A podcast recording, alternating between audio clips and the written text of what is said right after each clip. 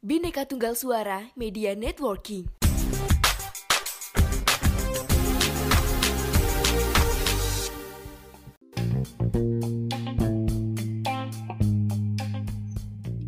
Hai, aku Khairia El Marwiyah dan asalku dari Bengkulu. Teman-teman, kita baru aja merayakan Hari Kemerdekaan Indonesia yang jatuh pada tanggal 17 Agustus 2022 lalu. Artinya tahun ini umur kemerdekaan Indonesia itu sudah menginjak angka 67 tahun. Wow, sudah lumayan lama ya.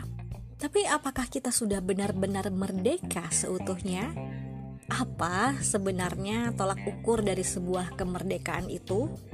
Apakah hanya sekedar merdeka dari penjajah, terus penjajahnya pulang kampung, dan kita secara utuh sudah merdeka gitu?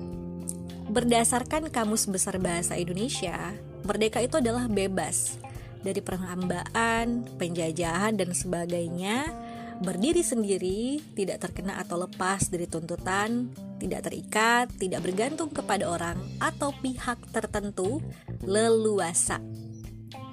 Oke, ini adalah definisi yang bisa kita jadikan sebagai pedoman untuk memaknai sebuah kemerdekaan. Tapi aku pengen mengerucutkan lagi obrolan kita supaya lebih fokus gitu ya teman-teman yaitu membahas merdeka dalam berekspresi atau bersuara. Setiap individu itu berhak menyatakan pendapatnya dan diterima orang lain. Hak tersebut itu merupakan hak asasi manusia. Dan ini berdasarkan pernyataan Franklin D. Roosevelt yang tercantum dalam Four Freedom. Dan negara kita, Indonesia juga punya undang-undang atau pengaturan hukum mengenai hak kebebasan berpendapat dalam Undang-Undang Dasar Republik Indonesia tahun 1945.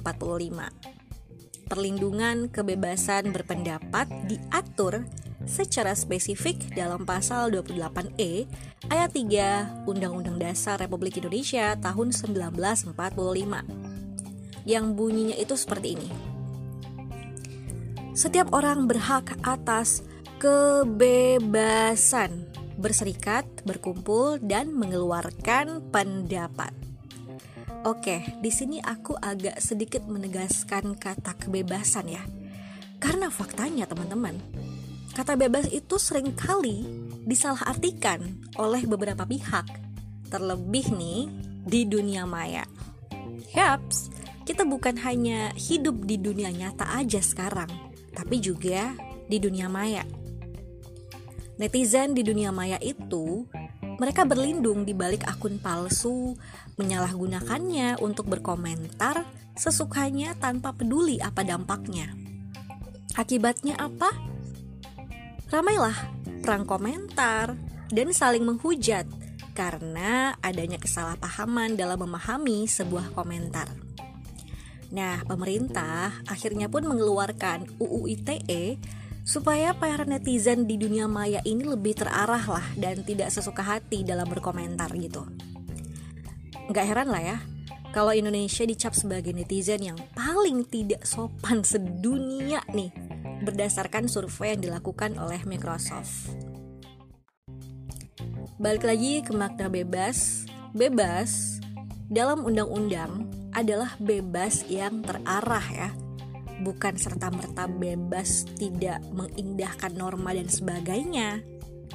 Mengenai merdeka atau bebas berpendapat ini aku tuh jadi inget juga dengan kejadian beberapa tahun belakang. Itu di tahun 2019 tepatnya saat akan direvisinya KUHP muncul beberapa kekhawatiran masyarakat yang takut tidak bisa mengemukakan pendapat lagi pada waktu itu juga sebagai respon atas kejadian ini, mahasiswa se-Indonesia mengadakan demo sebagai bentuk protes agar kebijakan tersebut itu ditinjau kembali.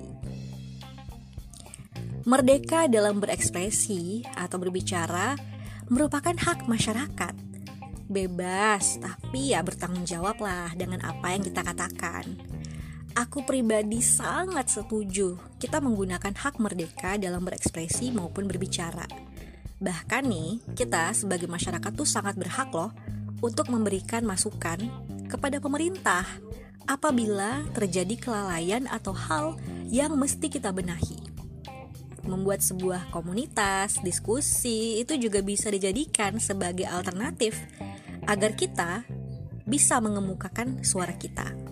Tapi ya ingat ya, digunakan kata merdeka itu sebaik dan sebijak mungkin.